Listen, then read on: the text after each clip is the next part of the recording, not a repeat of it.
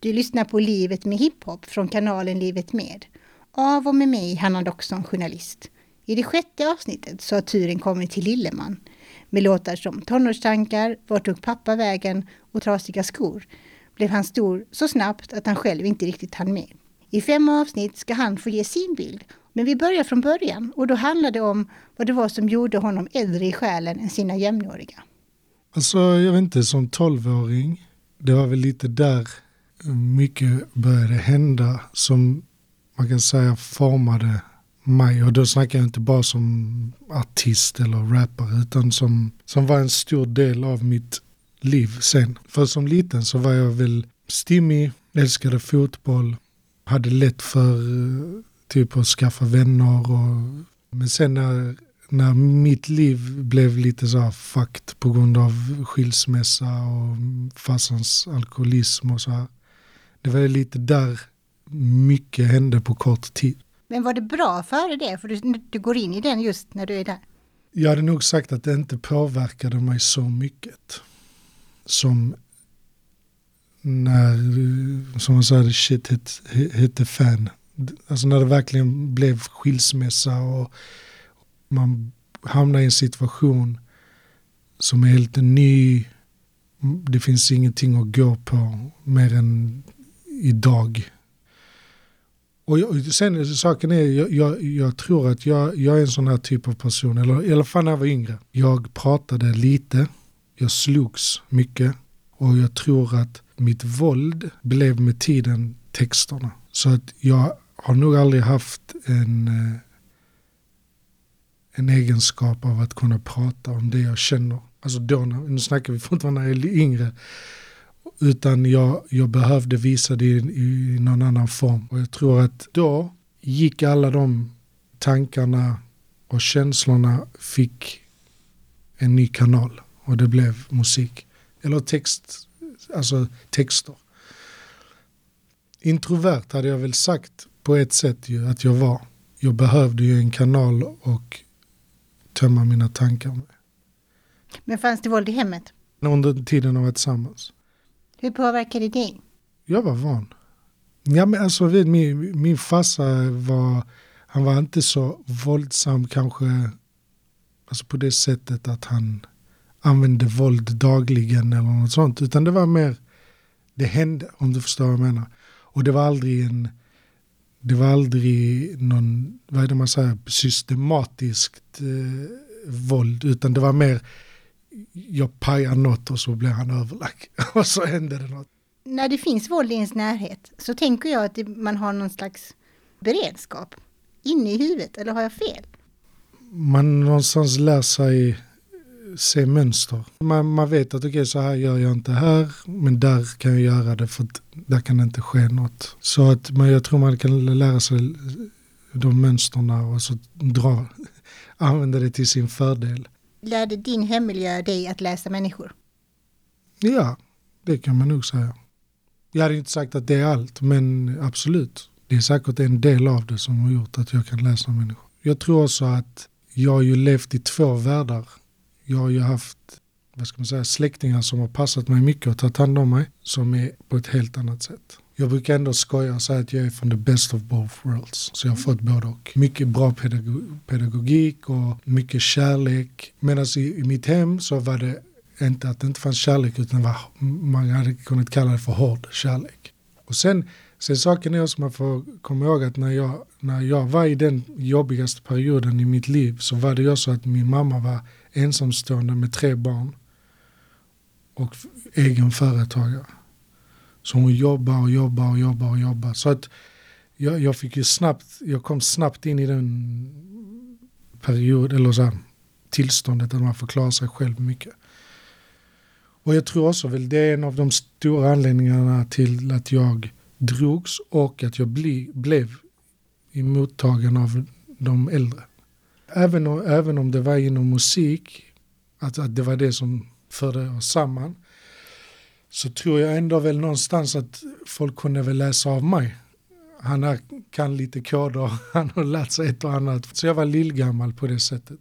Den perioden av livet gjorde ju att jag hittade en, en kanal för min röst eller mina känslor.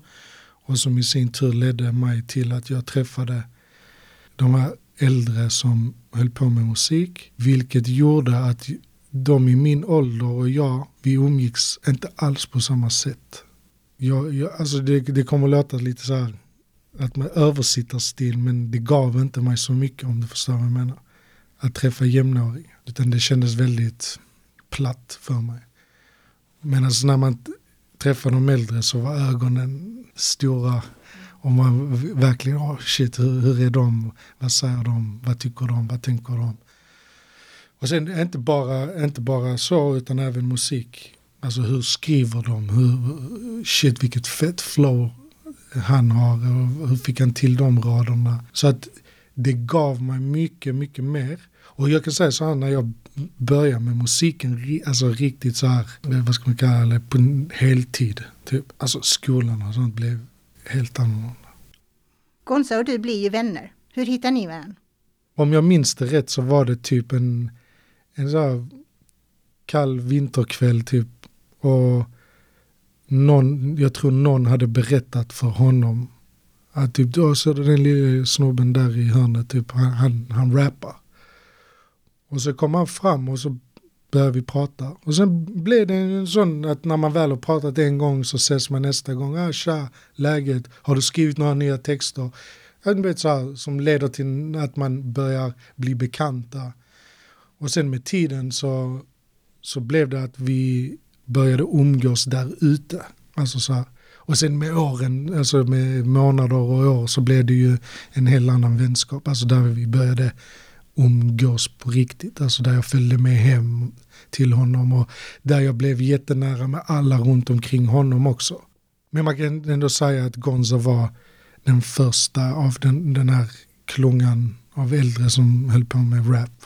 Nej, för att musiken hade jag ju redan innan jag träffade honom. Där jag hade skrivit ett tag och jag hade en annan kompis som jag brukade umgås med och skriva och vi spelade in i någon så här enkel, eh, alltså på kassettband och det var någon kompis till hans mamma som hade någon studio. Men du vet så här, så att jag hade, jag hade ändå lite er, erfarenhet, men jag hade ju ändå hållit på med det ett tag innan. Men jag, det blev ju ändå att när jag träffade honom så fick jag ju en dörr som öppnade sig till en mycket högre nivå.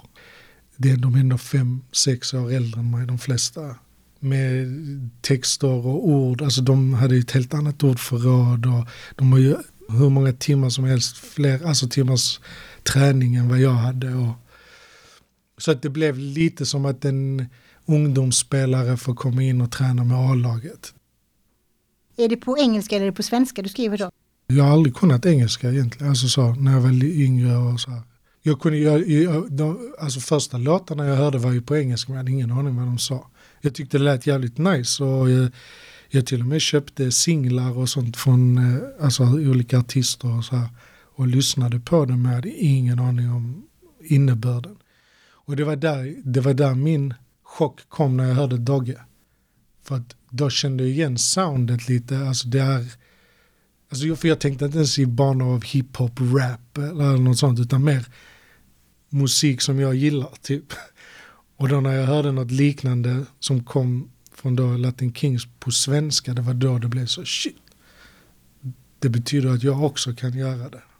När blev du en, liksom en AP-medlem? Efter ett tag när man hade träffats jättemycket.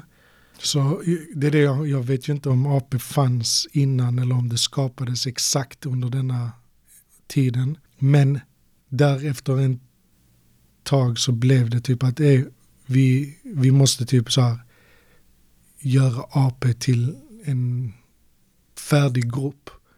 Och då kom jag inte med. Jag hade nog sagt att jag gick mer runt med känslan av att vadå, trodde ni att jag trodde att jag skulle vara med på riktigt? Alltså då, för jag känner mig inte riktigt där än. Fast att många inom hiphop är det.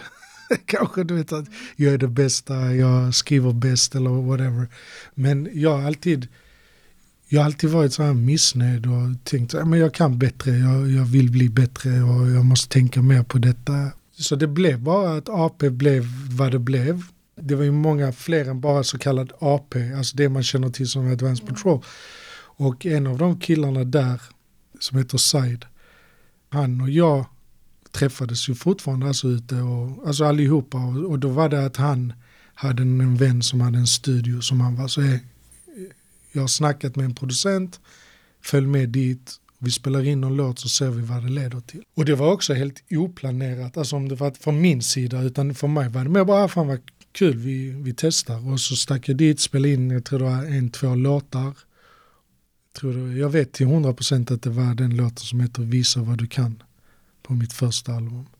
Efter den perioden när jag då kom, kom till den nya studion och det, vi klickade och det gick bra så hade Side sitt kollektiv, alltså som inte hade så mycket med vårt att göra egentligen. Alltså vi kanske alla kände till varandra men det var från olika områden, de, man umgicks ju inte som, alltså tillsammans. Och då blev det med tiden bara så att när jag var i den studion började spela in jättemycket där så blev det mer att jag drogs till det andra kollektivet. För det första, det första kollektivet, alltså om AP, alltså det kollektivet var ju rap, rap. Medan det andra var mer ett crew typ, alltså så här, du vet, vissa rappade inte ens, de bara lyssnade på musik och bara hängde och var, du vet, var en del av, av en känsla i en studio. Och vi, vissa av dem bara, som sagt, de hängde med mig senare på turné och var mina alltså så här sidekicks och sånt här, men de rappade inte. På det sättet var det en stor skillnad. Men, eh, och det var lite, och det var så mitt, min karriär började där. Att de låtarna jag spelade in i den studion var de låtarna som den producenten tog och åkte runt med och presenterade till olika skivbolag. Du har lyssnat på Livet med hiphop. I nästa avsnitt berättar Lilleman om hur musikkarriären plötsligt tog fart. Följ gärna kanalen på Att livet med poddserien på Instagram. Producent är jag, Hanna Doxon.